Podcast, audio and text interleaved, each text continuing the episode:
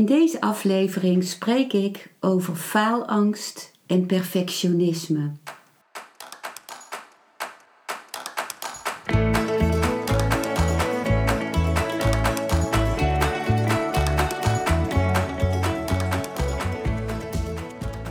Welkom bij een nieuwe aflevering van Modita's podcast Van Pijn naar Zijn. De podcast waarin ik je meeneem voorbij de pijn in je leven naar wie je diep van binnen bent. Hoe kun je beter omgaan met je gevoelens? Hoe vind je rust in je hoofd? Wat zit er precies achter je pijn? En vooral, hoe kun je steeds meer jezelf zijn? Adem eens diep in en uit. Ik wens je veel luisterplezier.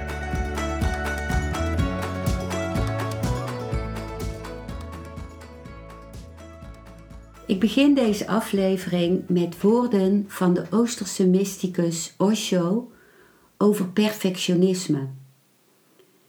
Deze woorden van hem zijn opgeschreven in het boek Philosophia Ultima in het zesde hoofdstuk. Dus hier komen de woorden van Osho. Perfectie is neurose. Natuurlijk zijn de Duitsers hierin ver voor op anderen. Zij zijn het toonbeeld van perfectionisme. Maar iedereen heeft hetzelfde soort verlangen. Alle ouders hebben gefaald en vanwege hun falen laden ze hun kinderen op met het verlangen om perfect te zijn. Zij hebben niet perfect kunnen zijn. Nu willen ze een plaatsvervangend leven leiden via hun kinderen. Ze houden niet van de kinderen. Als ze van hen houden, zullen ze hen niet conditioneren. Dat zal het enige teken van hun liefde zijn. Als je van iemand houdt, kun je die persoon niet conditioneren. Als je ouders van je houden, is het eerste wat ze nooit zullen doen, jou met hun eigen ambities belasten. Maar ze zijn belast door hun ouders. En ze hebben geprobeerd te leven volgens die verlangens. De verlangens van hun overleden ouders. En ze hebben gefaald. Nu denken ze dat er misschien niet genoeg tijd was. Misschien stonden de omstandigheden het niet toe. Ze denken, misschien is wat in mijn leven niet mogelijk was, wel mogelijk in het leven van mijn kinderen. Dus ze leven via hun kinderen. Conditionering betekent dat ze weten dat ze moeten sterven, maar toch op een subtiele manier kunnen leven via de kinderen. Het is een verlangen naar onsterfelijkheid. Ze weten dat hun lichaam zal sterven Daarom is er zoveel obsessie voor het hebben van kinderen. En het kind moet van mij zijn, niet van iemand anders, zodat een deel van mij, een cel van mij, een zaadje van mij zal doorleven. Ik zal er niet zijn, maar in ieder geval zal iets van mij blijven leven. Geef je mind nooit aan je kinderen. Jij hebt het meegemaakt en jij weet dat het ellende is. En toch sta je erop het aan je kinderen te geven. Je bent katholiek, protestant, hindoe, mohammedaan geweest. Wat heb je bereikt? Waar ben je? Wat is jouw betekenis? Welke poëzie is er in jouw wezen ontstaan? En toch sta je erop je kind hetzelfde rotpatroon te geven? Je bent de vijand van het kind. Geen liefhebbend iemand. Je hebt niet lief. Als je lief hebt, kun je je ideeën niet aan het kind geven. Je zult er dan op aandringen. Onthoud dit. Vermijd in ieder geval deze ideeën die ik heb geleefd. Doe wat je ook maar wilt doen. Wees gewoon geen christen. Wees geen hindoe. Wees geen communist. Ik ben dat geweest. En deze manier van leven is in ieder geval absoluut zinloos. Vermijd dit dus. Elke moeder, elke vader moet het kind ervan bewust maken dat ze een bepaald levenspatroon hebben geprobeerd en dat het niet is gelukt. Maak dus niet nog een keer dezelfde fout. Probeer een andere deur. Probeer het op een andere manier. Verken het zelf. Maar dit is nog niet gebeurd. Daarom leeft de mensheid in zo'n ellende en hel. In deze hele rush naar perfectionisme ben je geen winnaar. Je wordt een loser. Er is geen tijd om na te denken. Er is geen tijd om te zwijgen. Er is geen tijd om te voelen. Er is geen tijd om lief te hebben. Alles is gewijd aan één doel: hoe een perfect mens te zijn, een supermens. Groei is mogelijk vanwege onvolmaaktheid. En groei is de hele vreugde van het leven. Het is de enige extase die er is. God gaat door met het scheppen van onvolmaakte kinderen. Maar we luisteren niet. We zien niet dat God van onvolmaakte mensen houdt. Er komt geen einde aan groei. Dus in feite is er nooit perfectie. Dat waren woorden van Osho over perfectionisme. Ik begin met, uh, nu met te vertellen over mijn ervaring met uh, faalangst en perfectionisme. En het eerste wat ik me kan herinneren daarvan is uh, een gebeurtenis op de kleuterschool. Op de kleuterschool kregen we flinterdun roze, bijna doorzichtig papier om op te tekenen. Dat was denk ik heel goedkoop papier. En het was ook heel kwetsbaar. En uh, niet stevig. En op een bepaalde dag had ik wasco gepakt en ging ik allemaal vierkantjes inkleuren met verschillende kleuren wasco.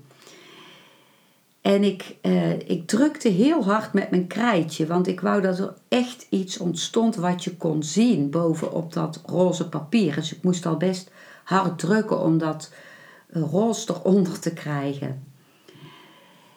En ik was bijna klaar. Het papier was bijna helemaal vol met uh, vakjes: uh, beige, bruin, blauw, donkerrood, oranje, geel. En toen ontstond er een scheurtje in mijn papier. Een scheurtje van uh, ongeveer een centimeter. En ik vond het vreselijk. Ik, mijn papier was, mijn hele tekening was verknoeid. En eh, omdat dat scheurtje erin zat, ik kon de rest van de schoonheid van die tekening niet meer zien. En ik legde uh, de tekening in mijn laadje. Elk kind had uh, aan de achterkant van de klas in een grote kast een bruin houten laadje. Ik deed het laadje dicht en ik wilde nooit meer in de buurt van dat laadje komen. Dus ik liep zelfs in de kleuterklas een in een boog om dat laadje heen. Ik kwam gewoon niet meer aan de achterkant van die klas, omdat dat papier met dat scheurtje daar lag. Dat was in, mijn, in de eerste klas van de kleuterschool. En toen ging ik naar de tweede kleuterklas. En uh, toen ik in de tweede kleuterklas zat, kwam mijn opa bij mij op bezoek thuis in het weekend. En hij vroeg mij: Hoe gaat het op school? Je bent toch zeker wel de beste van de klas? En ik, ik, ik, ik verstijfde helemaal. Ik dacht: Wat betekent dat sowieso om de beste van de klas te zijn? Ik voelde een enorme druk op mijn schouders, omdat mijn opa dat gezegd had. En toen zei hij ook nog, om mij te plagen, uh, ik kom morgen met jou mee naar school. En uh, ik, ik was heel bang dat hij dat echt zou doen. Ik zei tegen hem, uh, maar dat is niet voor grote mensen. Dat zullen ze niet goed vinden. Dat uh, als je zo groot bent, dat je bij mij in de kleuterklas komt. En toen zei hij, maar ik maak me dan gewoon heel klein. Toen werd ik nog banger en, en ineens had ik een goed idee. Ik zei, maar ze zien het aan je jas. dat die jas dan heel groot is.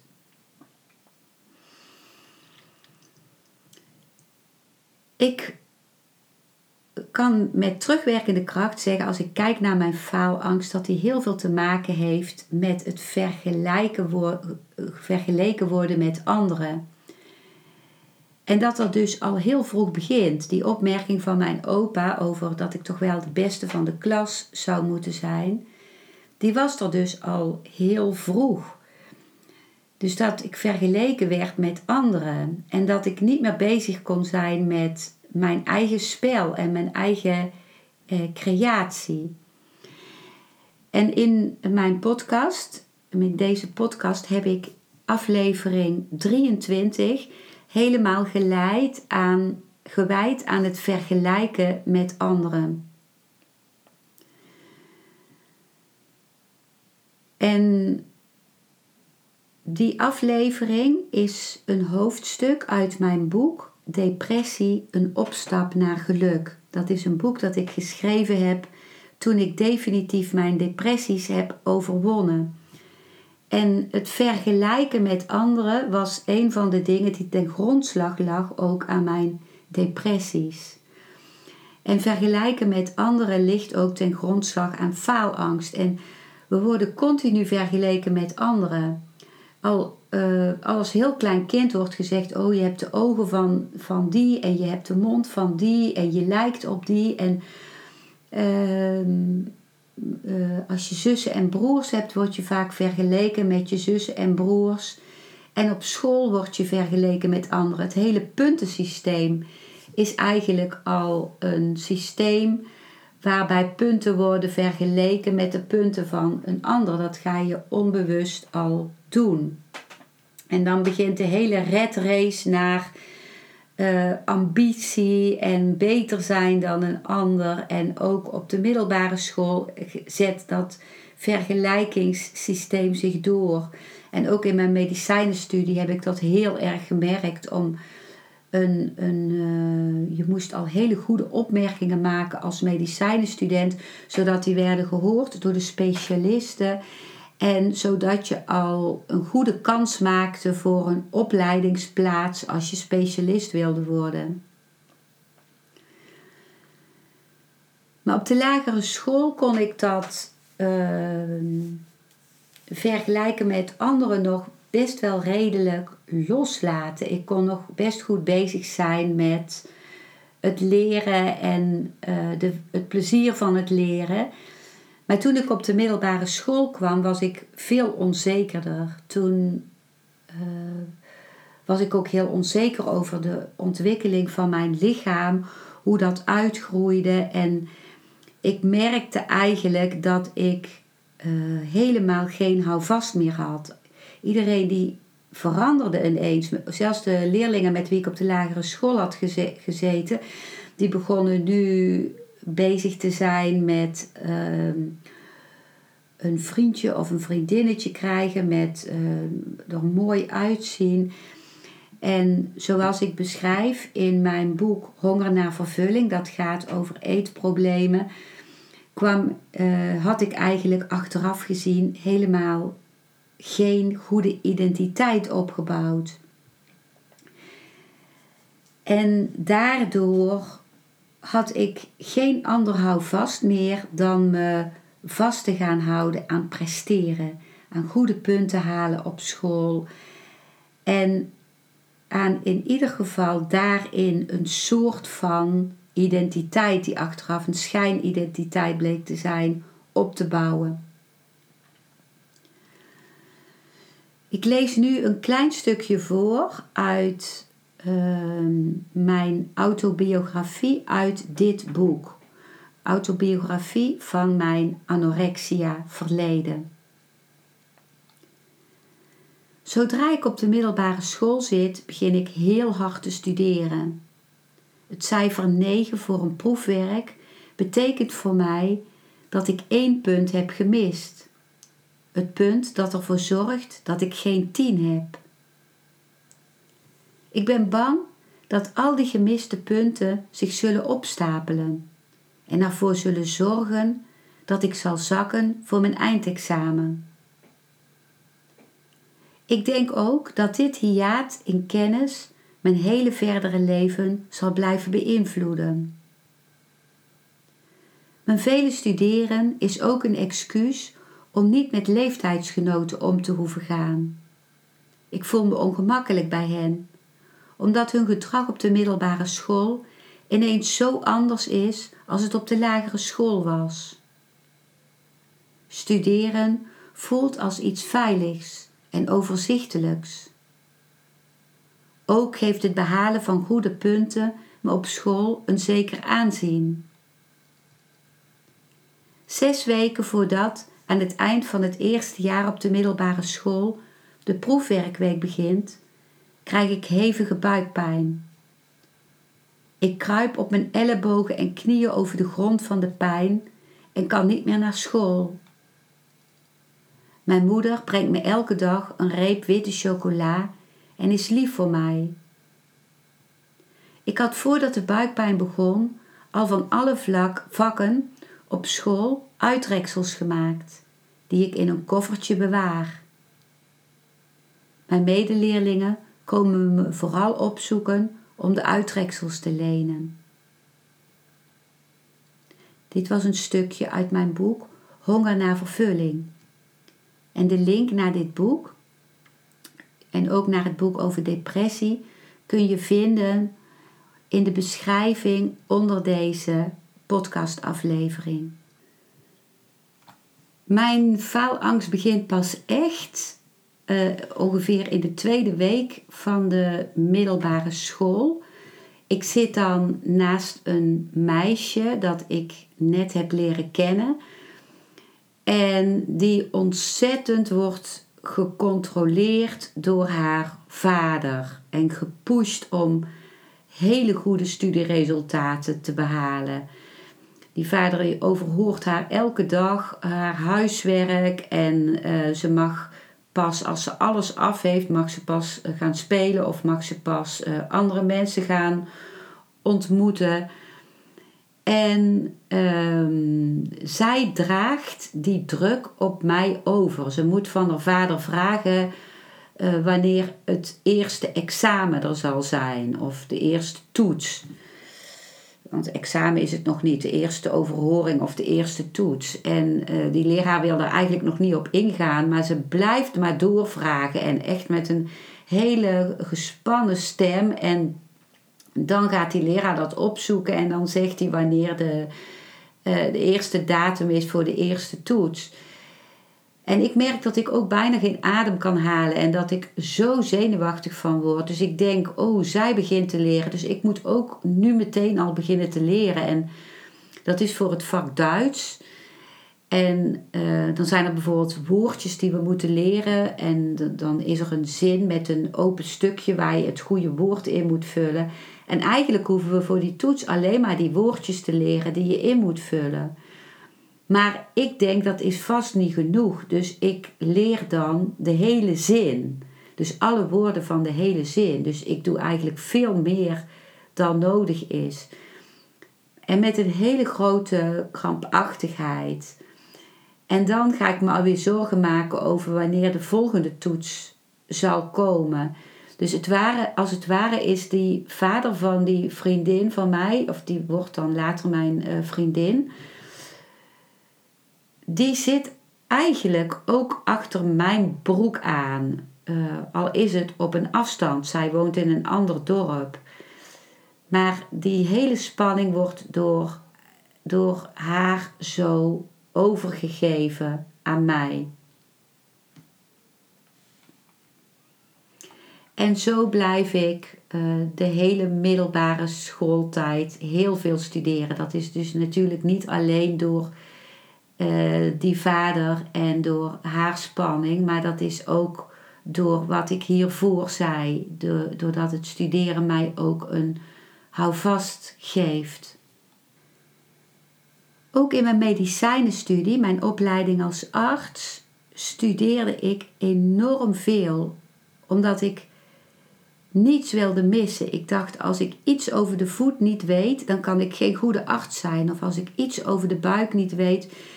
Dus ik voelde me heel schuldig als ik een bepaald stuk niet goed bestudeerd zou hebben, omdat ik dan zou falen als arts. Dus ik zat dag in, dag uit te studeren. Ook in, als ik in de trein zat, uh, als ik naar huis ging in het weekend. Ik was gewoon altijd aan het studeren. Dus ik ging niet om met andere leeftijdsgenoten. Ik ging niet uit. Ik, ik deed niets om plezier te hebben of om persoonlijke ervaringen te delen met leeftijdsgenoten. Dus in feite miste ik alle sociale contacten. En ik kwam er later achter dat juist dat ook heel belangrijk is als arts, maar niet alleen als arts, maar voor mijn hele persoon.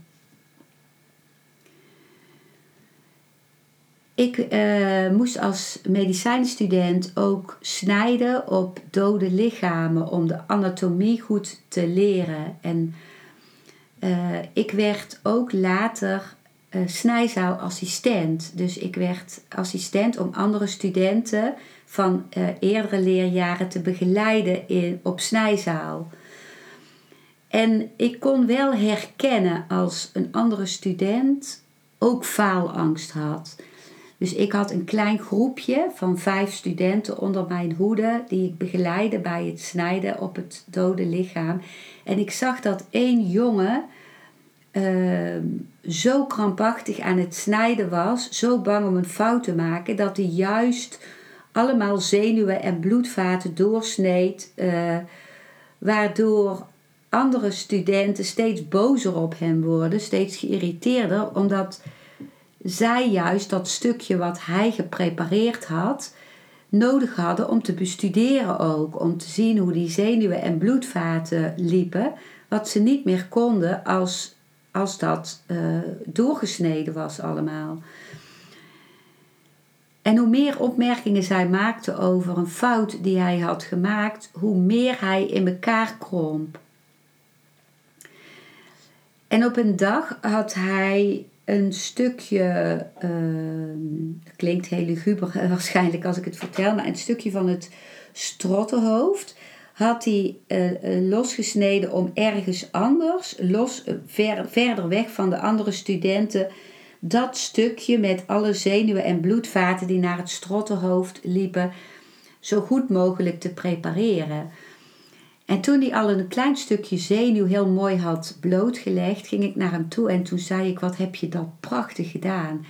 En ik zag hem opveren en later ging ik nog een keer naar hem toe om een compliment te maken. En hij heeft dat stukje van het strottenhoofd alles schitterend geprepareerd en hij had niks kapot gesneden. En toen riep ik de andere studenten erbij en toen zei ik: Moet je kijken wat, wat, wat dit prachtig is geprepareerd. Dit is echt zo mooi gedaan. En jullie kunnen nu allemaal zo mooi zien hoe de zenuwen en de bloedvaten lopen rondom het strottenhoofd. En de studenten hadden bewondering voor hem. En vanaf dat moment heeft hij bijna niets meer ehm, stuk gesneden. Dus toen zag ik ook hoe mooi het was als iemand uh, voor zichzelf de, de mogelijkheid creëerde om een beetje op een afstand te gaan staan, om ruimte om zichzelf te creëren. En dat er toen vanuit een positieve space vreugde ontstond in het leren. En uh, die faalangst en die kramp verdween. Ik zag ook toen ik les ging geven later, uh, toen ik arts was, ben ik, heb ik drie jaar les gegeven aan verpleegkundigen.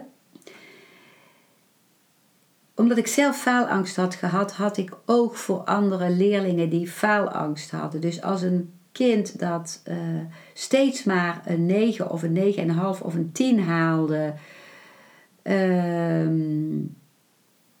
als dat gebeurde, dan dan maakte ik me zorgen om zo'n kind. Dan maakte ik me zorgen over, zou die niet continu aan het studeren zijn? En zou die nog wel contacten hebben met andere kinderen? En dan haalde ik dat kind apart en dan vroeg ik daarna.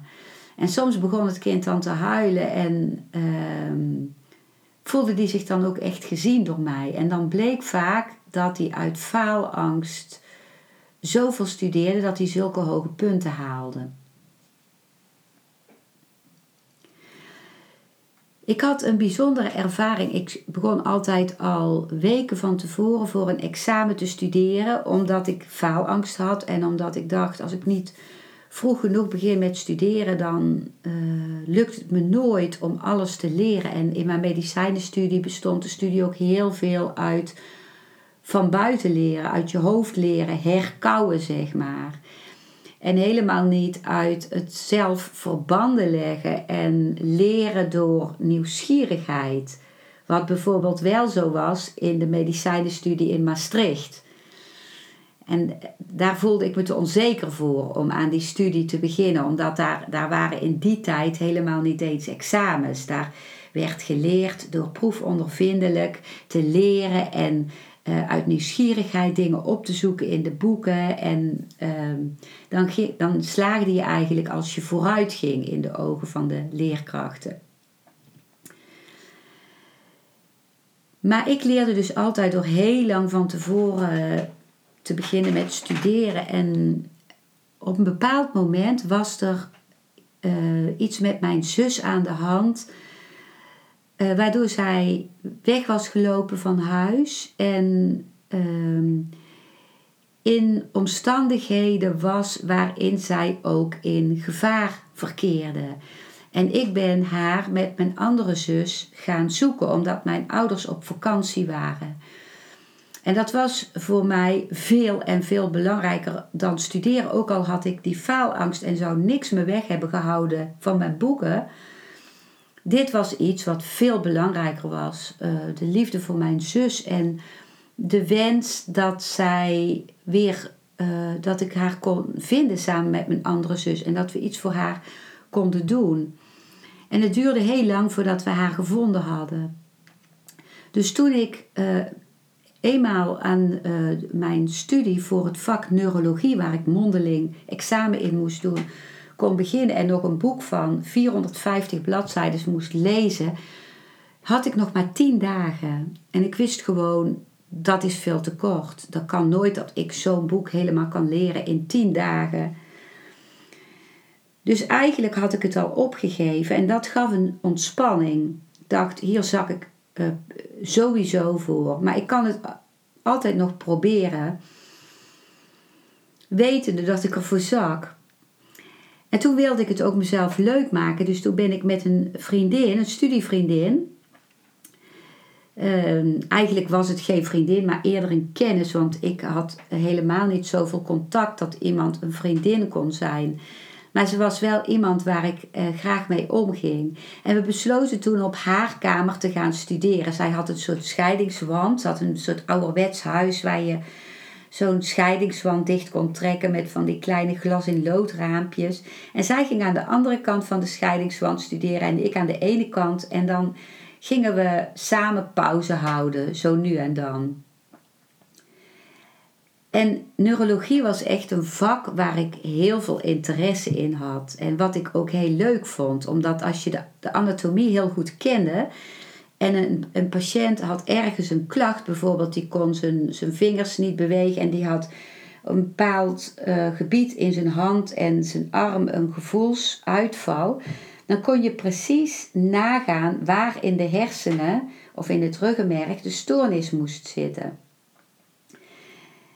Dus ik begon dat boek echt vanuit interesse te lezen. En het was heel raar, omdat ik in zo'n ontspannen toestand aan het leren was.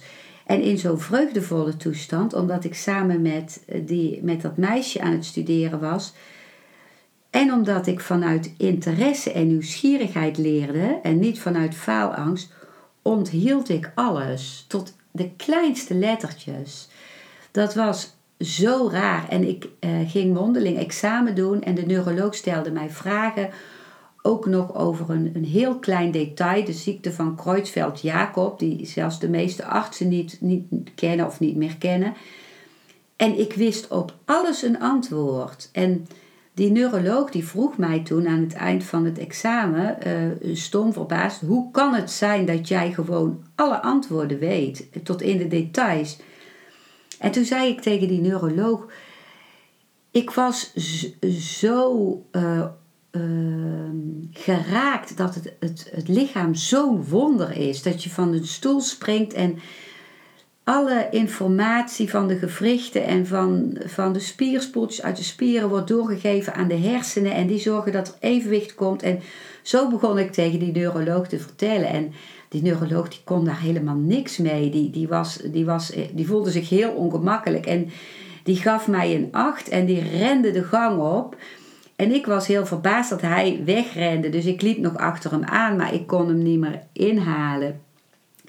Dus die neuroloog was eigenlijk zelf niet gewend om uh, de verwondering van het lichaam te voelen.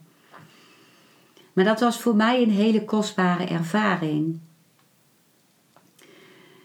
En ook in, toen ik in het meditatiecentrum in Pune kwam in India, waar ik altijd uh, naartoe ging elk jaar.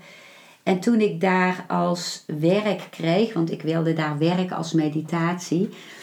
Toen ik als werk kreeg het, uh, het uh, runnen van de opslagruimte in het meditatiecentrum. En toen ik dat, die, die opslagruimte helemaal kon gaan vernieuwen en creatief kon zijn, toen voelde ik ook echt, hier werk ik echt niet vanuit faalangst, maar vanuit vreugde en vanuit willen creëren. En ik vond het ook heel fijn om iedereen die in mijn storing, want zo voelde ik het, kwam werken, om te kijken wat is iemands kwaliteit en waarin kan die het meeste bloeien en waarin kan die eh, zichzelf tot expressie brengen.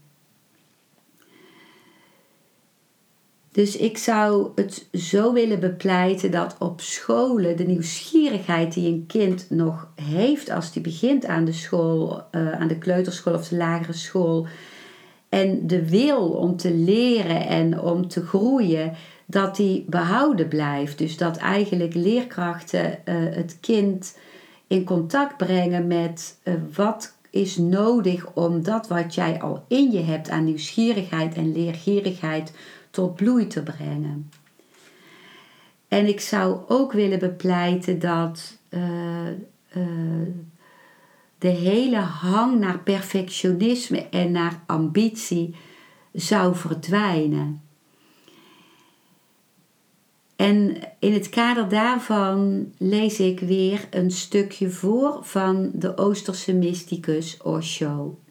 En dat stukje gaat over ben absoluut niemand. Dus hier komen de woorden van Osho. En die woorden komen uit uh, uh, het boek A Bird on the Wing, hoofdstuk 6. En ook een deel komt uit het, de Osho Transformatie Tarot. Dat zijn teksten die horen bij de tarotkaarten van de Transformatie Tarot, teksten van Osho. Dus hier komen Osho's woorden. Het denken koestert het verlangen om iets buitengewoons te zijn. Het ego hunkert naar de erkenning dat je iemand bent. De een verwezenlijkt die droom door rijk te worden. Een ander verwezenlijkt die droom door politieke macht te verwerven. En nog een ander verwezenlijkt die droom met wonderen of toverpraktijken. Maar het komt altijd op hetzelfde idee neer. Ik kan er geen vrede mee hebben dat ik niemand ben. En er voltrekt zich een wonder als je er vrede mee kunt hebben dat je niemand bent. Dat je net zo gewoon bent als ieder ander. Als je niet op maatschappelijke erkenning uit bent. Als je bestaat alsof je niet bestaat. Er niet zijn is het wonder. Dit is een prachtig verhaal. Een van de mooiste zenverhalen. En Bankei is een van de voortreffelijkste meesters. Toch was Bankei een doodgewoon iemand. Bankei was een keer in zijn tuin aan het werk toen een man, een zoeker, iemand die op zoek was naar een meester, hem aansprak met de vraag: Tuinman, waar kan ik de meester vinden? Bankei zei lachend: Kijk, als je die deur daar binnen gaat, vind je de meester vanzelf. De man volgde het pad en ging naar binnen. Hij zag er Bankei in zijn zetel zitten. Dezelfde man die hij in de tuin had zien werken. De zoeker zei: Zit je me voor de gek te houden? Kom vlug uit die zetel. Dit is heiligschennis. Je betoont hiermee weinig respect voor de meester. Bankei kwam uit de zetel, nam plaats op de grond en zei: Wel, dat maakt het moeilijk. Nu hoef je in de zetel geen meester meer te verwachten, want ik ben zelf de meester. De zoeker kon niet begrijpen dat een groot meester in de tuin kon werken, een zo gewoon iemand kon zijn. Hij ging weg. Hij kon niet geloven dat deze man de meester was. Hij miste waar het om ging. Iedereen is bang dat hij niet iemand is. Alleen zeer uitzonderlijke en buitengewone mensen zijn daar niet bang voor. Mensen als Gautama de Boeddha en Bankei. Een niemand, een niet-iemand, is niet zo'n alledaags verschijnsel. Het is een van de geweldigste ervaringen in je leven. Dat je er bent en dat je er toch ook niet bent. De ervaring dat je het bestaan in de puurste vorm bent, zonder naam, zonder adres, zonder begrenzingen. Geen zondaar en ook geen heilige. Niets minder en ook niet iets meer. Alleen stilte. De mensen zijn bang dat ze hun hele persoonlijkheid zullen verliezen. Hun faam, hun aanzien, dat allemaal vrezen ze kwijt te raken. En dat roept angst op. Maar de dood zal ons die dingen in elk geval afnemen. Wie wijs is, geeft die dingen rustig de gelegenheid vanzelf te verdwijnen dan blijft er voor de dood niets over om je af te nemen. Dat maakt een einde aan al je angsten, omdat de dood zich niet bij je zal melden. Je hebt niets te verliezen voor, bij de dood. De dood kan een niet iemand niet doden. Als je eenmaal je niet iemand zijn hebt ervaren, ben je onsterfelijk.